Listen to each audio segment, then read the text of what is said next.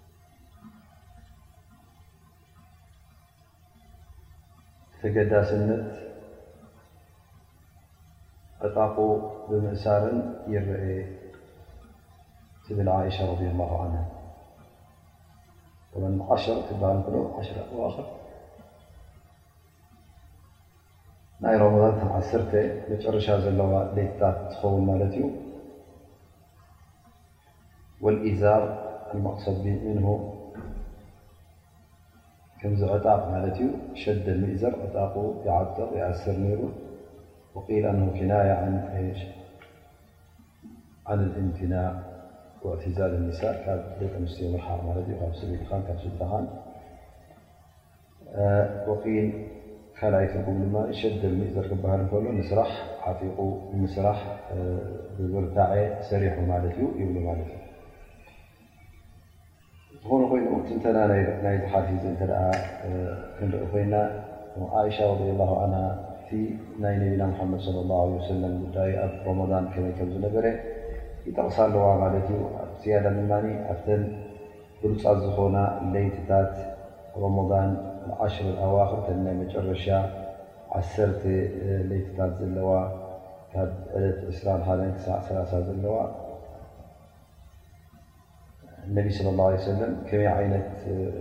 ነዚ ለይትታት ነዚ መዓልታት እዚ የሕልፎ ከም ዝነበረ ይጠቕሳልና ኣለዋ ማለት እዩ ስለዚ እዘን ዓሰርተ መዓልቲ እትው ክብላ ከለዋ ሸደል ሚእዘር ኢልና ሸደል ሚእዘር ዕጣቑ ቀጥ ኣቢሉ ይኣስር ምርእለይቱ እውን የሕውዮ ማለት ናይ ድቃስ ኣይኮነን እንታይ ደኣ ከየደቀሰ እንከሎ ከየደቀሱ ምሉእ ለይቲ የሕልፍዎ ኣብ ምንታይ ማለት እዩ ኣብ ዒባዳ ኣብ ሰላት ኣብ ዚክር የሕልፍዎ ማለት እዩ ስለዚ እቲ ናይ ነቢና ሓመድ ስ ሰለም ዝጠብሩ ዝነበሩ ብሕልፊ ብሕልፊ ኣብዘን ዓሰርተ መዓልቲ ወይ ከዓ ኣብዘን ዓሰርተ ለይትታት ከመይ ገይሮም ብተገዳስነት ንዒባዳ ሙሉእ ለይቲ ከይደቀሱ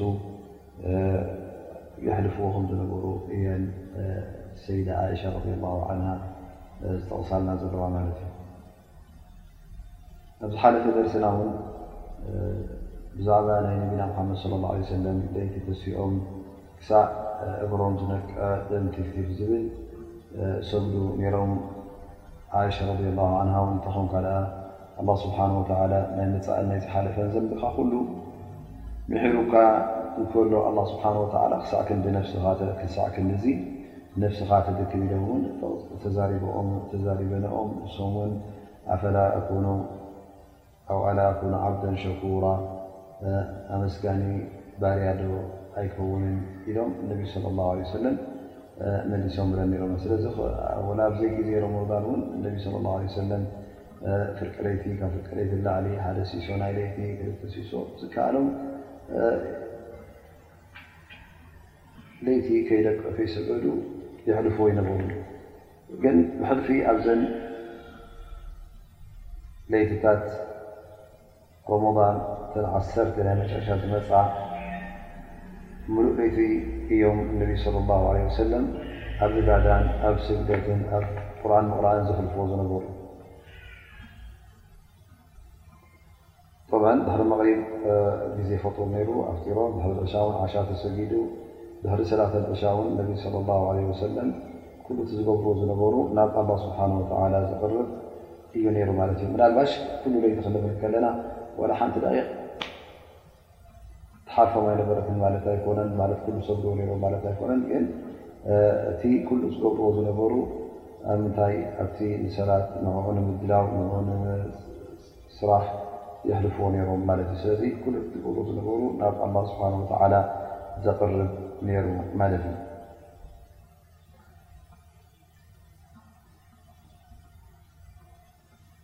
ኣብዚ ሓዲ እዚ ካብ ዝሪኦ ዘለና ዩሕይል ዓሽር ኣዋክር ክብለና ከሎ ነዚ ሙሉእ ለይቲ ብሕልፊ ኣብ ሮሞዳን ኣብዘ ዓሰርተ መዓልታት እዚ መጨረሻ ዝመፅ ዓሰርተ ተልካ ዕስራ ሓደ ዮ ዘለዋ እነቢ ስ ሰለም ብሕልፊ ንኣን ሙሉእ ለይቲ ከይደቀሰ የሕልፍዎ ነሮም ማለት እዩ ግን ኣብ ካልእ ለይትታት ክትስኡ ከሉ ሙሉእ ለይቲ ይሰጉዱ ይነበሩ እንታይ ደኣ ገለ ካብቲ ለይቲ ፍርቂ ኮይኑ ኮይኑ ሓደ ሲሶ ኮይኑ ክልተ ሲሶ ኮይኑ ካብ ፍርቂ ንላዕሊ ዝያዳ ክቕቁ በሎ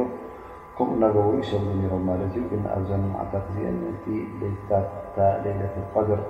እትመፀላ መዓልቲ ሳውን ኸይሮሚን ኣልፊ ሻህር ዘላታ መዓልቲ ስለ ዝኾነት ነቢ ስ ላ ሰለም ብተገዳስነት ዓሰርተ መዓልታት መጨረሻ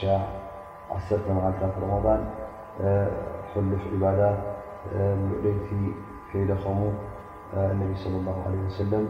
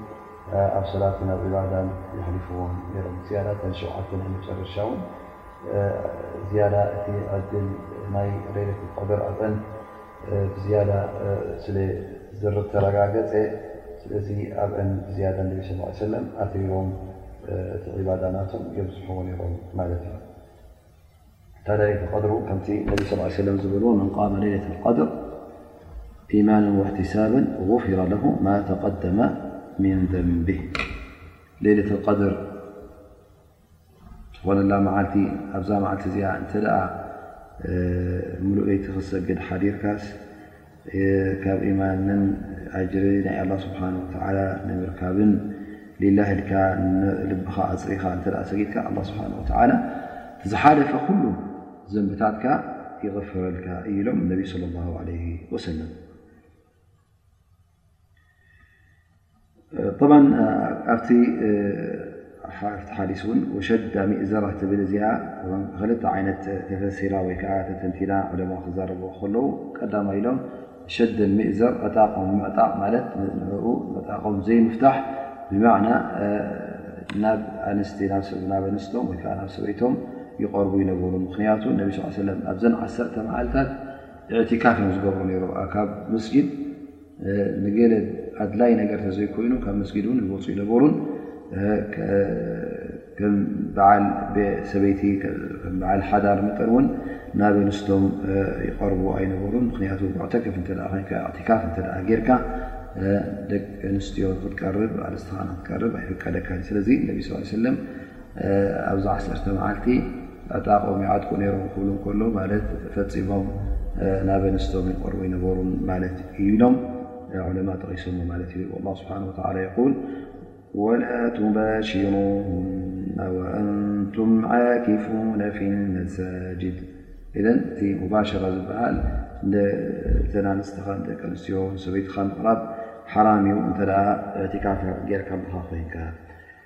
ግን ዑለማ ድማ እንታይ ኢሎም ሸዳ ሚእዘራ ክበሃል ከሎ እዚ ማለት ንስራሕ ሓደ ነገር ንክትፍፅም ብተገዳስነት እተ ተዳሊኻሉ ሸዳ ሚእዘሮ ይብል ማለት ከምዚ ዓጢቅሉ ክበሃል ከሎ ሓ ብትግርኛ ነዛ ነገር እዚኣ ዓጢቀላ ክትብል ከለካ ነቲ ስራሕ ኣፅፊፍካ ክትሰርሕ ስራሕ ኣትሪርካ ንክትሰርሕ ድልው ምዃንካ ከተርኢ እንከለኻ ኸላስ ዓጢቕሉ እንዲዩ ይበሃል ማለት እዩ። ካብዚ ዝመፀት እያ ይብሉ ማለት እዩ። ዝኾነ ኮይኑ እቲ ትርጉም ውን እቲ ተባህለ ውን ናይ ዑለማእ ዘረባ ክልቲኡ ቅኑዕ ክኸውን ማለት እዩ። እሱ ኸዓ እነቢ ስለ ላሁ ዓለይሂ ወሰለም ኣብዘን ዓሰርተ መዓልታት ብዝያዳ ናይ ዒባዳ ጉዳይ ኣትሪሮም ይሰርሑሉ ይፍፅምዎ ኣብ ርእሲኡ ድማ ኣብ ኢዕቲካፍ ስለ ዝነበሩ ናብ ኣንስቶም ናብ እተን እውን ፆታዊ ርክብ ንፍፃም ይቐርቡ ኣይነበሩ ስለዚ እቲ ሙጃሃዳ ማለት ሸዲ ሚእዘር ማለት ምቅላስ ኣትሪርካ ኣቢዕካ ነዚ ነገር እዚ ምስራሕ ይኸውን ማለት እዩ እዚ እንታይ የርእየና እነቢ ስለ ላ ለ ሰለም ኣብቲ መዓልትታት ወይ ከዓ ለይትታት ብሉፅ ዝኾነ ኣጅሩ ዝያዳ ዝኾነ ብልፀት ዘለዎ ኣላ ስብሓን ወተዓላ እውን ዝፈትዎ እሞ ከዓ እቲ ኣጅርና ደሪቡ ደራሪቡ ዝህበና ሰዓታትን እዋናትን ክኸውን ከሎ ኣብዚ መዓልታት እዚ ኣብዚ እዋናት እዚ ኣትሪርና ንኽንሰርሕ ተገዲስና ንኽንፍፅም እቲ ዒባዳና ከይድከምና ንኽንሰርሕ ሓንቲ ደቂቕ ከይትሓልፈና ውን ተገዲስና ስራሕና ነቲ ዒባዳና ንትግባር ኣገዳሲ ከም ምዃኑ ነቢይ ስ ላ ሰለም በዚ ተግባሮም እዙይ ሓቢሮምና ማለት እዩ።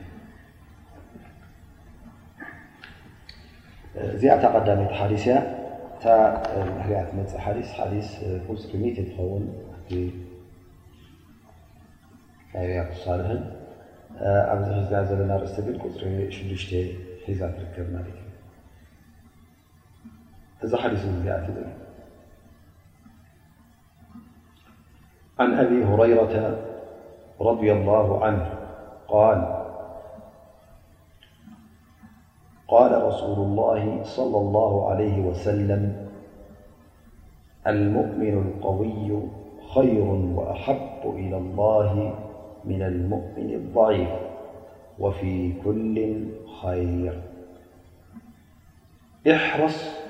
على ما ينفعك واستغن بالله ولا تعجز وإن أصابك شيء فلا تقل لو أني فعلت كان كذا وكذا ولكن قل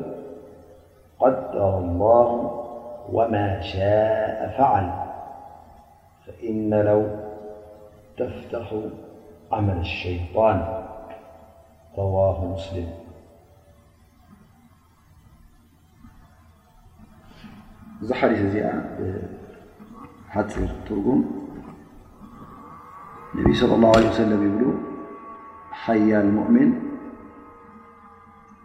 ብዝያዳ ሓያል ሙእምን ብዝያዳ ኣብ ቅድሚ ኣላ ስብሓን ወተዓላ ፍትው እዩ እሱ እውን ብሉፅ እዩ ካብ መን ካብቲ ድኹም ካብ ሰነፍ ዝኾነ ሙእምን ግን ኩሎም እውን ኼር ኣለዎም ሰናይ ኣለዎም ብዝጠቕመካ ነገር ንዕኡ ተገደስ ተገዲስካ ስራሕ ካብ ኣላ ስብሓን ወተላ ከዓ ኩሉ ግዜ ሓገዝን ደገፍን ሕተት ኣይትስነፍ እንተ ደኣ ደስ ዘይብለካ ነገር ጎዲኡካ ረኪቡካ ከዓ ኣነስ ከምዚ ገይረ ወይ ከምዝን ከምዝን ገይረ ነይረ እንተዝኸውን ምሓሸ ነይሩ ኣይትበል። ግን እንታይ በል ኣላህ ስብሓን ወተዓላ ዝወሰኖን ዝቐደሮን ኮይኑ ኣላህ ስብሓን ወተዓላ ዝደለዮ እዩ ኮይኑ ኢልካ ጨርሶ። ምኽንያቱ ለው እትብል ለው ማለት ብኻ ማለት እዩ። ብኻ ከምዚ ገይረ ነይረ ብኻ እዛ ብኻ ከምዚ ነይሩ ወይ ከዓ ከምዚ ገይረ ነይረ ትብል ብኻ እዚኣ ለው ትብል ቃል ናይ ሸይጣን ነገር ወይ ከዓ ናይ ሸይጣን ስራሕ እያ ትኸፍተልካ ኢሎም እነቢይ ስለ ላሁ ዓለይሂ ወሰለም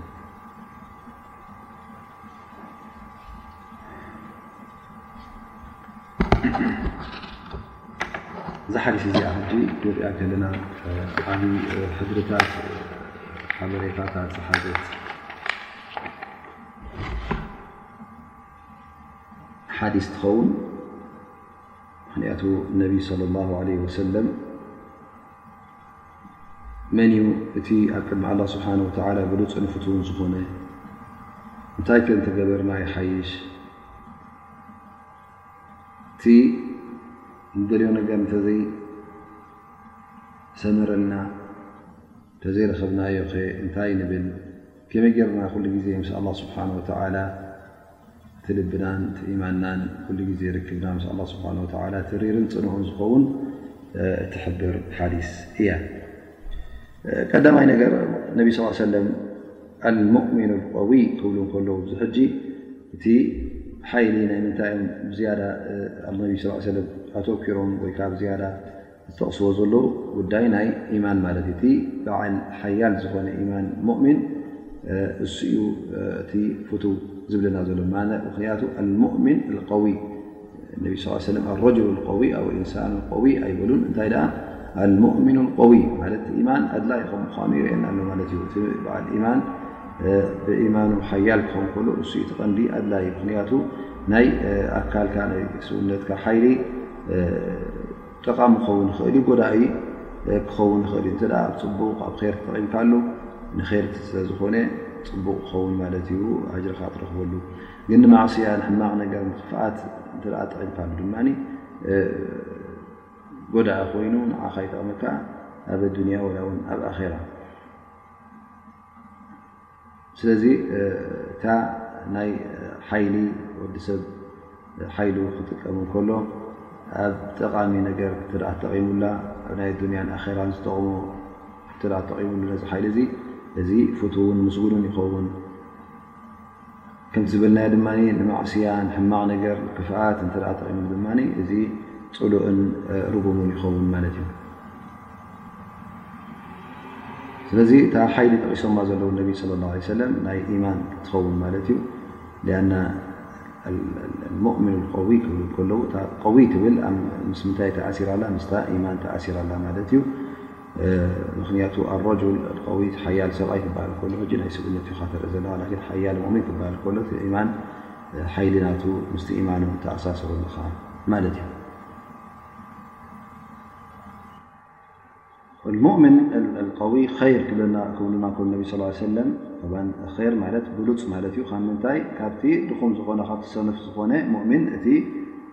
ሓይሊ እቲ ሓያል ዝኾነ ሙእሚን ሓያል ኢማን ዘለዎ ሙእሚን ንሱ ይበልፅ ከምኡ ውን ፍቱው ዩ ቅድሚ ኣላ ስብሓን ወተላ ኣላ ስብሓን ወተላ ብዝያዳ ንዕኡ ይፈቱ ካብቲ መን ካብቲ ድኹም ኢማን ዘለዎ ወይከዓ ካብቲ ድኹም ሙእሚን ኣብ መጨረሻ ን ስ ሰለ ታይ ሎም ወፊ ኩል ይር ኩሎም ውን ይር ኣለዎም ማለት እቲ ድኹም እምነት ዘለዎ ይር የብሉ ማለት ኣይኮኑ እታ ድክምቲ እምነቱ ውን ንገዛእ ርእሳ ይር እያ ፅብቕቲ እያ ምክንያቱ ንሱ ካብ ከሓዲ ካብ ካፍር ይሓይሽ ስለዚ እታ ኣስለ ይር ኣላቶ ማለት እያ ግን ምስቲ ሓያል ኢማን ዘለዎ ክተመዛዝኖ ከልካ ትበዓል ሓያል ኢማን እሱዩ ይበልፅ ላኪን ምስቲ ካልእ ምስቲ ካፍር ከተርእዮም ከለኻ እቲ ድኹም እምነት ዘለዎ እውን እቲ ድኹም ኢማን ዘለዎ እውን ካብቲ ካሓዲ ካብቲ ካፍር ክበልፅ ይርከብ ማለት እዩ ሊዛሊክ ነቢ ስ ሰለም ወፊ ኩሊን ኸይር ኢሎምና ማለት እዩ ምክንያቱ ነቲ ደኹም ዝኾነ ሰነፍ ዝኾነ ፋይዳ የብሉ ኸይር የብሉ ኢልካ ንኸይትፀልኦ ንኸይተርሕቆ ማለት እዩ እዚ ሕጂ ከም እሕትራዝ ከም መጠንቀቂ ወይ ከዓ ገይሮሞ ነቢ ስ ሰለም ا لي وسمكسلون القرآن ح يركب ت كما قال الله سبحانه وتعالى بعد أعوذ بالله من الشيان الرجيم لا يستوي قاعدون من المؤمنين غير ل الضرر والمجاهدون في سبيل الله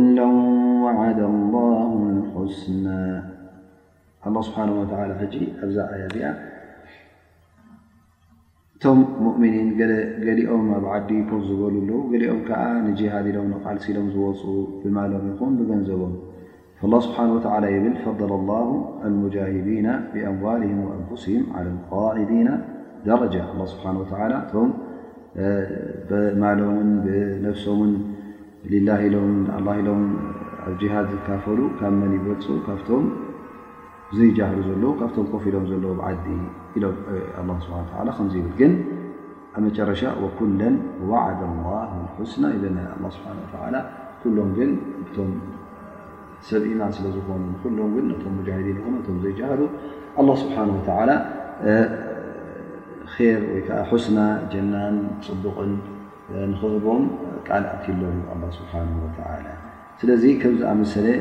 ምክንያቱ ሓንሳእ ኣመዛዚንካ እቲ ካብቲ ይበልፅ ክትብል እንከለኻ እቲ ካልኣይ ወላ ፋይዳ የብሉን ኢሉ ሰብ ንከይርዳእ ኣላ ስብሓን ወተላ ኣብ ቁርን ይኹን ነቢና ሓመድ ስ ሰለም ን ከምዚ ሓዲስ ዝረኣናዮ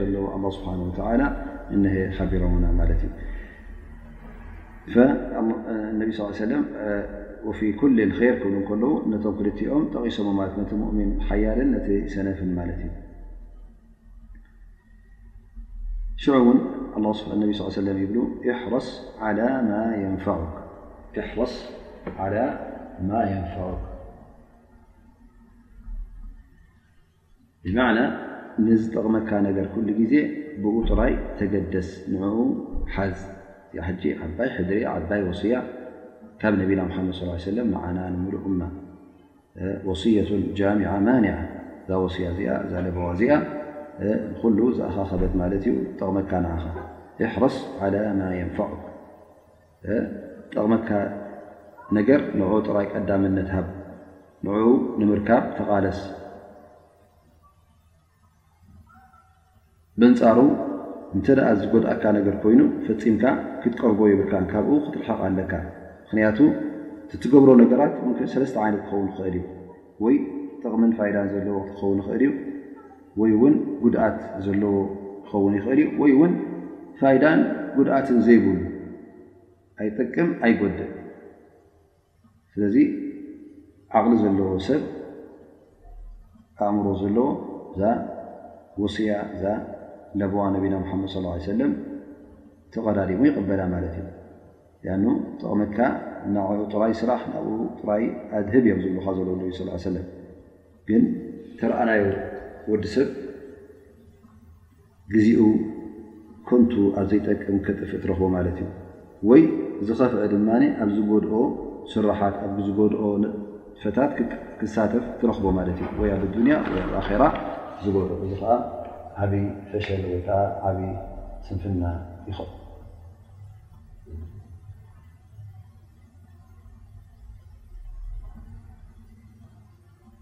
ስለዚ እቲ ገንዘቡ እቲ ነፍሱ እቲ ቃልሱ ኣብ ዘይጠቅም ነገር ዘጥፍእ እንተ ርእናዮ እዚ ብዚ ነዛ ናይ ነቢና ምሓመድ ስለ ላ ሰለም ወስያ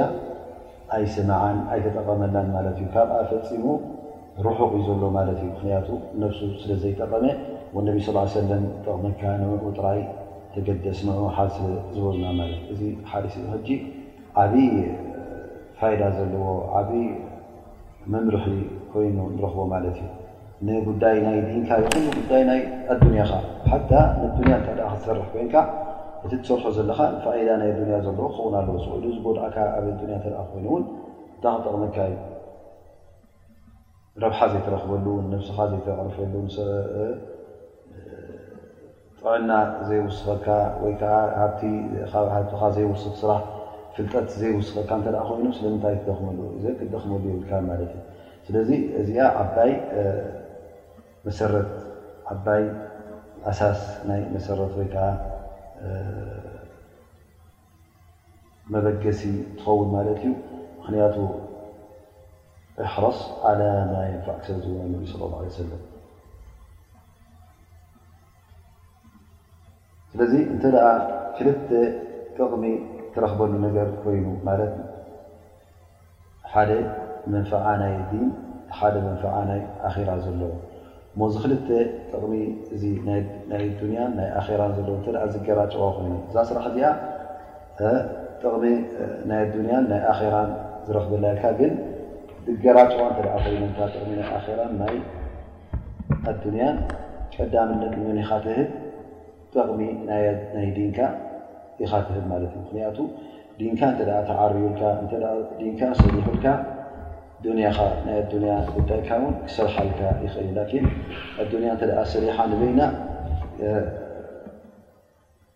ዲንካ ክሰርሓልካ ይክእል እዩ በል ክበላሸወካ ስለ ዝክእል እሞ ናይ ኣዱንያ ጠቅምን ረብሓን ምስ ናይ ዲንካ ረብሓ እንተ ዝገራጮ ኮይኑ ሓንቲኤን ጥራይ ንክትረክብ እተ ዕድል ዝበካ ኮይኑ ነታ ናይ ኣራ ጥራይ ንዓ ክትሕዝ ኣለካ ማለት እዩ ከምኡ ውን እንተ ክልተ ረብሓ ናይ ዲን ኮይነን ወይ ከዓ ናይ ኣዱንያ ኮይነን እንተ ተገራጭየን ወይ ከዓ ሓንቲአን ላዕሊ ዘለዋ ረብሓ ሓንቲአን ትሑት ረብሓ ዘለዋ ክልቲኤን ረብሓ ኣለወን ግን ሓንቲ ረብሓኣ ብዙሕ እዩ ሓንቲ ከዓ ውሕድ ዝበለ ረብሓ ኣለዋ ከምዚ እንተ ኮይኑ ድማ ነይነይተን ክትወስድ ኣለካ ነይነይተን ክትካየድ ኣለካ ነይነይተን ክትምንጥር ኣለካ ነታ ብዙሕ ረብሓ ዘለዋ ነታ ብዙሕ ጥቕሚ ዘለዋ ኣብ ናይ ዲን ጉዳይ ይኹን ኣብ ናይ ኣዱንያ ስለዚ እሕርስ ዓላ ማ የንፈዑክ ዝብሉና ክብሉ ነቢ ስ ሰለም ብቐንዲ እቲ ረብሓ ትረኽበሉ ንኡ ተገደሰሉ ንኡ ኣድህበሉ እዮም ዝብሉካ ዘለዉ ነቢ ለ ላ ለ ወሰለም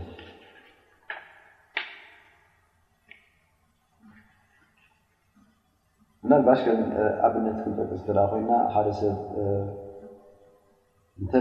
ንስድራ ኣዝማዱ ኣለዎ ንበሎም ሕጂ ንክበፅሖም ሓንቲ ዕድል ኣላትካ እተ ኮይና ወይ ንሓዊ ቦኻ ክትርኢ ወይከዓ ንሓውካ ንክትርኢ ሓንቲ ዕድል እተ ኣላትካ ኮይና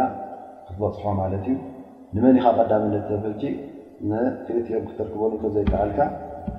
ንኣብቲ ሓደ ክትከይድ ኣለካ እተ ኮይኑ ነቲ ሓውካ ትመርፅ ሓውካ እሱ ብዝያዳ ይቐርበካ ስለዚ ካብ ሓውቦኻ ሓውኻ ስለ ዝቐርበካ ንኡ ዝያዳ ስለ ኣጅሪ ዘለዎ ንኡ ትበፅሖ ንኡ ትሪኦ ማለት እዩ ንኣብነት ኣብ መስጊድ ክትሰግድ እተ ኮይካ ሰላት ጀማዓ ሕጂ ክትሰግድ ከለኻ ጠብዓ እቲ መስጊድ ከም ርሕቀቱን ከም ብዝሒ ጀማዓ ዝስገዶን ኣጅሩ ከምኡ ይድረብን ይበዝሕን እዩ። እሞ ክልተ መሳጊድ እንተ ኣለዋ ኮይነን እሞ ከዓ ርሕቀተን ሓደ ዝኾነ ነየነይተን ዝያዳ ክትመርፅ ኣለካ ነታ ብዙሕ ጀማዓ ዝስገዳ ናብኣ ትኸይድ ማለት እዩ። ምኽንያቱ ብዙሕ ጀማዓ ዝስገዳ ስለ ዝኾነት ኣጅራ ብዙሕ ስለ ዝኾነ ንዓኣ ትመርፅ ላኪን ኣብ ርሕቀታን ኣብ ምቕራባን ኩሎም ኩለን ሓደ እየን። ስለዚ እቲ ማ የንፈዑክ ዝባልኩም እቲ ዝጠቕመካ ንዓኣ ትመርጽ ማለት እዩ ነታ ውሑዳት ዘለዋ ጀማዓ ናብኣ ክትከይድ የብልካን ምክንያቱ ዝያዳ ፋይዳ ስለ ዘይብላ ንሳ ናብታ ዝያዳ ፋይዳ ዘለዋ ትኸይድ ማለት እዩ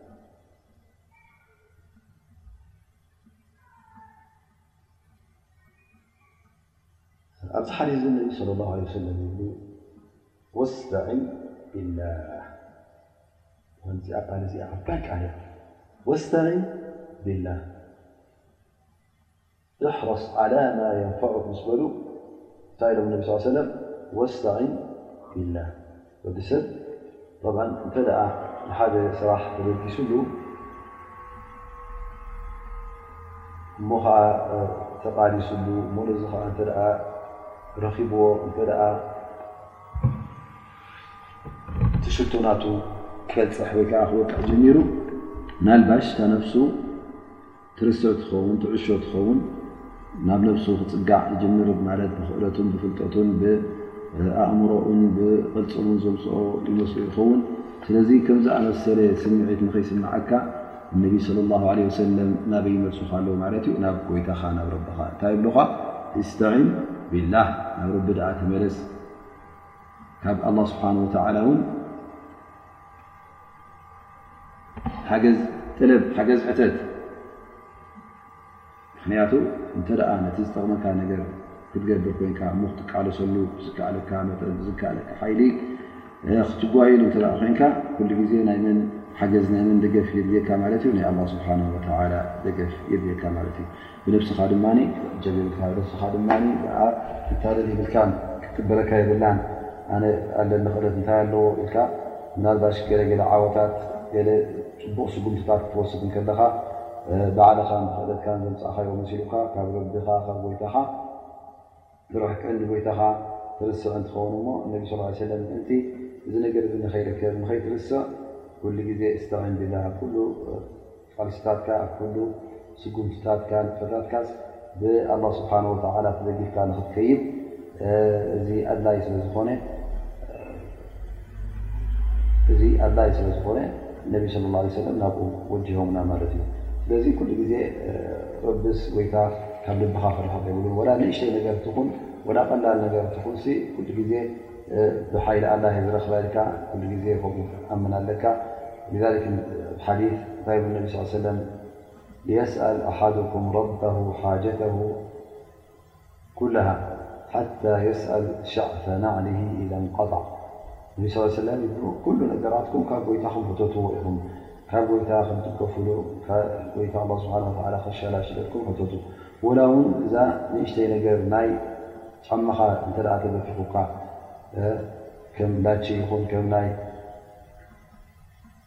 ምቕዳድ ይኹን ንእሽተይ እሞ ኸኣ መእሰሪ መስፈይ እንተ ተደሊኻላ ነዛ ጫማኻ እዚኣ ወላ እዚኣ ቀላል ነገር ትኹን ደገፍ ካብ ኣላ ስብሓን ወተዓላ ክትሓተላ ኣለካ ኣላ ስብሓን ወተዓላ ክትርስዕ የብልካን ኣብኣ ውን ወላ ውን ቀላል ነገር ትኹን ማለት እዚኣ ሕጂ ጫማኻ ንምዕራይ ከባድ ነገር ኣይኮነትን ስለዚ እዚኣስ ቀላል እያ ኢልካ ውን ኩሉ ግዜ ንኣላህ ስብሓን ወተዓላ ክትርሰ የብልካን ዋላ እቲ ቀሊል ነገራት ውን እንተ ረቢ ሓግዘኒ ኣላሁመ ኣዒኒ ክትብል ኣለካ ማለት እዩ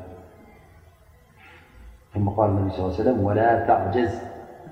ወላ ተዕጀዝ ማለት ኣይትስነፍ ማለት እዩ ኣይትሕመቕ ዝኾነ ነገር ክትፍፅሙ ከለኻ ቀፅል ደው ኣይትበል ኣይትደናገ እንታይ ደኣ ትጋህ ስራሕ እዮም ዝብሉኻ ዘለዉ ነቢ ስለ ላ ለ ወሰለም ወላ እውን ይንዋሕቲ ግዜ ጎዞኻ ቀፅል ሓሲብካ ካብ ሃለኻ ካብ ተበገስካ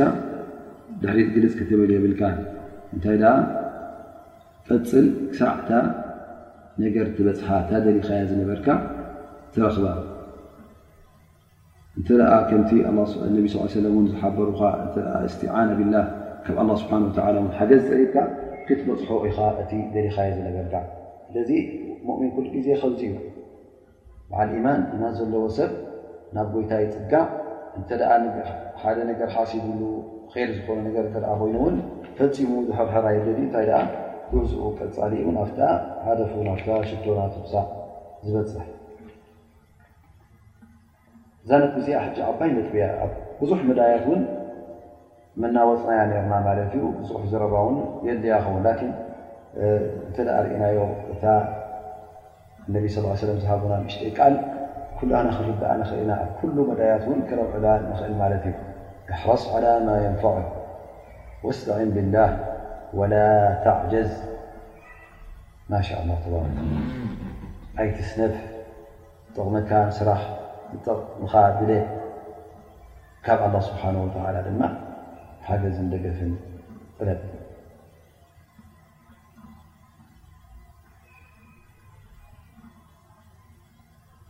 ስለዚ እንተ ርኢና ንኣብነት ገለገለ ሰባት ሕጂ ዕልሚ ክዕለሙ ይሓስቡ ወይ ዕልሚ ንክመሃሩ ይፍትኑ እንታይ ገብር ማለት እዩ መጀመርያ ላስ እተዛ ክታብ እዚኣ ክጅምር እየ ይብል ቀዳማይ ወርሒ ሰሙን ክልተሰሙን ወርሒ ምስ ገበረ ነዛ ክታብ ሒዝዋ ዝነበረ ምስ ሰልቸዎ ይገድፋ ናበይ ክከይድ ማለት እዩ ካልእ ክታብ ክውስድ ቁሩብ ሱቕ ስለ ድማ ናብ ሳልሳይ ጊታር ይኸይድ። ናብትን ናብትን ጥርጥር ክብል እናሰልቸዎ ከሎ ጀሚርዎ ዝነበረ ከይወደቐ ኣብ መጨረሽትኡ ኣብ መደምደምትኡ ከይብጽሖ ስለ ዝውድኦ ከይቀጸለ እዚ ሕጂ ጥራይ ኢሉ ይተርፍ ሓንቲ ከይሓዘ ማለት እዩ። ስለዚ እንታይ ክትገብር ኣለካ ማለት እዩ እንታይ ትደሊ ኣለኻ እንታይ ኢኻ እታ ስራሕ ናህካ እታ ወሲንካያ ዘለኻ ስራሕ እንታይ እዩ እታ ህእደፍ ናህካ ትሽቶ ናህካ ኩሉ ግዜ ክትውስኖ ኣለካ ንዕኡ ኢልካ ድማ ክትሰርሕ ኣለካ ኣብ የማንን ፀጋማን ናብ ዘይጠቅም ጉዳያት እውን ግዜኻ ክጠፍ ከተጥፍእ የብልካን ጠኒንካ ትኽ ኢልካ ነታ ሽቶኻ ንክትወቅዕ ንኣኣ ክትቃለስ ኣለካ ማለት እዩ እዚ ከም ምክሪ ንኣብነት ሕጂ ዝወሃብ ማለት እዩ ንመን ተማሃሮ ዕልም ሸርዒ ክመሃር ዝደለየ ሓደ ክታብ ጀሚሩ ነቲ ክታብ እቲ ኣፅርዩ ነታ ፍልጠቲ ኣፅርዩ ናብ ካልእ ፍልጠት ይሓልፍ ካብኣ ድማ ናብ ካልእ ይሓልፍ ግን እንተ ጥዕም ጥዕም እናበለ ካብትን ካብትን እዚኣ ሰትያትኒ እዚ ነዊሑኒ እዚ ከም እናበለ ኢሉ እንተ መቐፀልታ ዘይብሉ ስራሕ ሰሪሑ እዚ ኣብ መጨረሻ ኣይዕወትን እዩ። ወነቢ ስለ ላ ለ ሰለም ዝኾነ ነገር ክሰርሕዎም ክጅምርዎም ከለዉ በየ ይጅምሩ ነሮም ማለት እዩ በቲ ሙሂም ዝኾነ በቲ ቀንዲ ዝኾነ በቲ ኣገዳሲ ዝኾነ ንዓ ነታ ተድልዮም ዝነበረት ስራሕ ነታ ኣድላይ ዝኾነት ነገር ንዓ ይሰርሑ ንዓ ከዓ ይጅምሩ ነሮም ማለት እዩ ንሳ ምስ ጨረሱ ድሕሪያ ካልእ ስርሖም እንተ ኣሎ ኮይኑ ኣብ ሓሳብ ዘይነበረ ውን ኣብ ን ይኹን ንዑይ ስሑ ላኪን እታ ደምፃቶ መጀመርያ ወይ ከዓ እታ ሓሲቡሞ ዝነበሩ ቀዳምነት ንዓ ይህዋ ማለት እዩ ነዚ ኣብነት እዚ ክንጠቅስ እተረኣ ኮይና ነቢ ስ ሰለም ሓደ ዕትባን እብኒ ማሊክ ዝበሃል ነቢ ስ ሰለም ፀዊዕዎም ማለት እዩ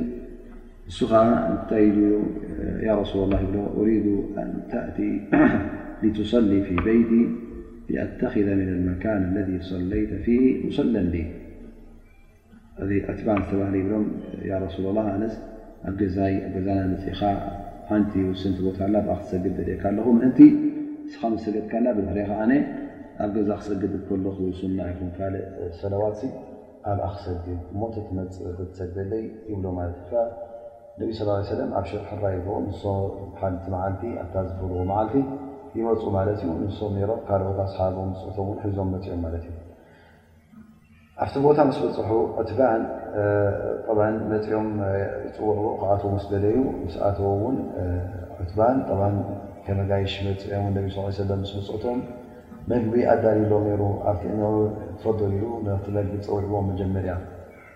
ግን ነቢ ስለ ላ ለ ሰለም በቲ ተቐሪቡ ዝነበረ መግቢ ኣይጀመሩ እንታይ ደኣ ኢሎሞ ኣይነ ልመካን ኣለذ ትሪዱ ኣን ኑሰሊ ፊ ኣይና ኢቲ ቦታ ክሰግደልካ ትደሊ ዘለኻ ተወሲንካ ዘለኻ ቦታ ንገረኒ ኢሎም ነቢ ስ ሰለ ይሓትዎ ፈየርእዮም ኣብኡ ከዓ ይሰግድሉ ምስ ሰገዱ ድሪኡ ኣብቲ መግቢ መፅኦም ይበርህ ማለት እዩ ሕጂ እንታይ ዘርእየና ዘሎ እዚ ኣነቢ ስ ሰለ ታቐንዲ መምፅኢቶም እታ ሓቲትዋ ዝነበረ ጉዳይ ኣብ ታ ገዝኡ ንክሰግድሉ ስለ ዝኾነ ምስ መፁኡ እነቢ ስ ሰለ ቅድሚቲ ምብላዕ ምስታ ይኹን ካልእ ነገር ቅድሚ ምግባሮም እታ ዘምፅኣቶም ንዓ ኣይፈፅሙ ምክንያቱ ዳሕራይ እንታይ ይርከብ ኣብ ኢድካ ኣይኮኑ ናብ ኢድ ረቢ ስለ ዝኾነ እታ ጉዳይ ተዓድልኪ ሓለፈት ንከላ ቀዳመነትታ ቐንዲ መምፅኢትካ ቀንዲ ኣብቲ ቦታ ሓሲብካያ ዝነበርካ ንዓኣ ትፍፅም እሞ ድሕሪኡ እቲ ካልእ ተርክበሉ ማለት እዩ ስለዚ ነቢ ስ ሰለም እንታይ ዩ ዘርእሙና ዘለዉ በቲ ቀንዲ ዝኾነ ነገር በቲ ሙሂም ዝኾነ በቲ ኣድላይ ዝኾነ ብኡ ከም ዝጅመር ክጅመር ከም ዘለዎ የርእና ማለት እዩ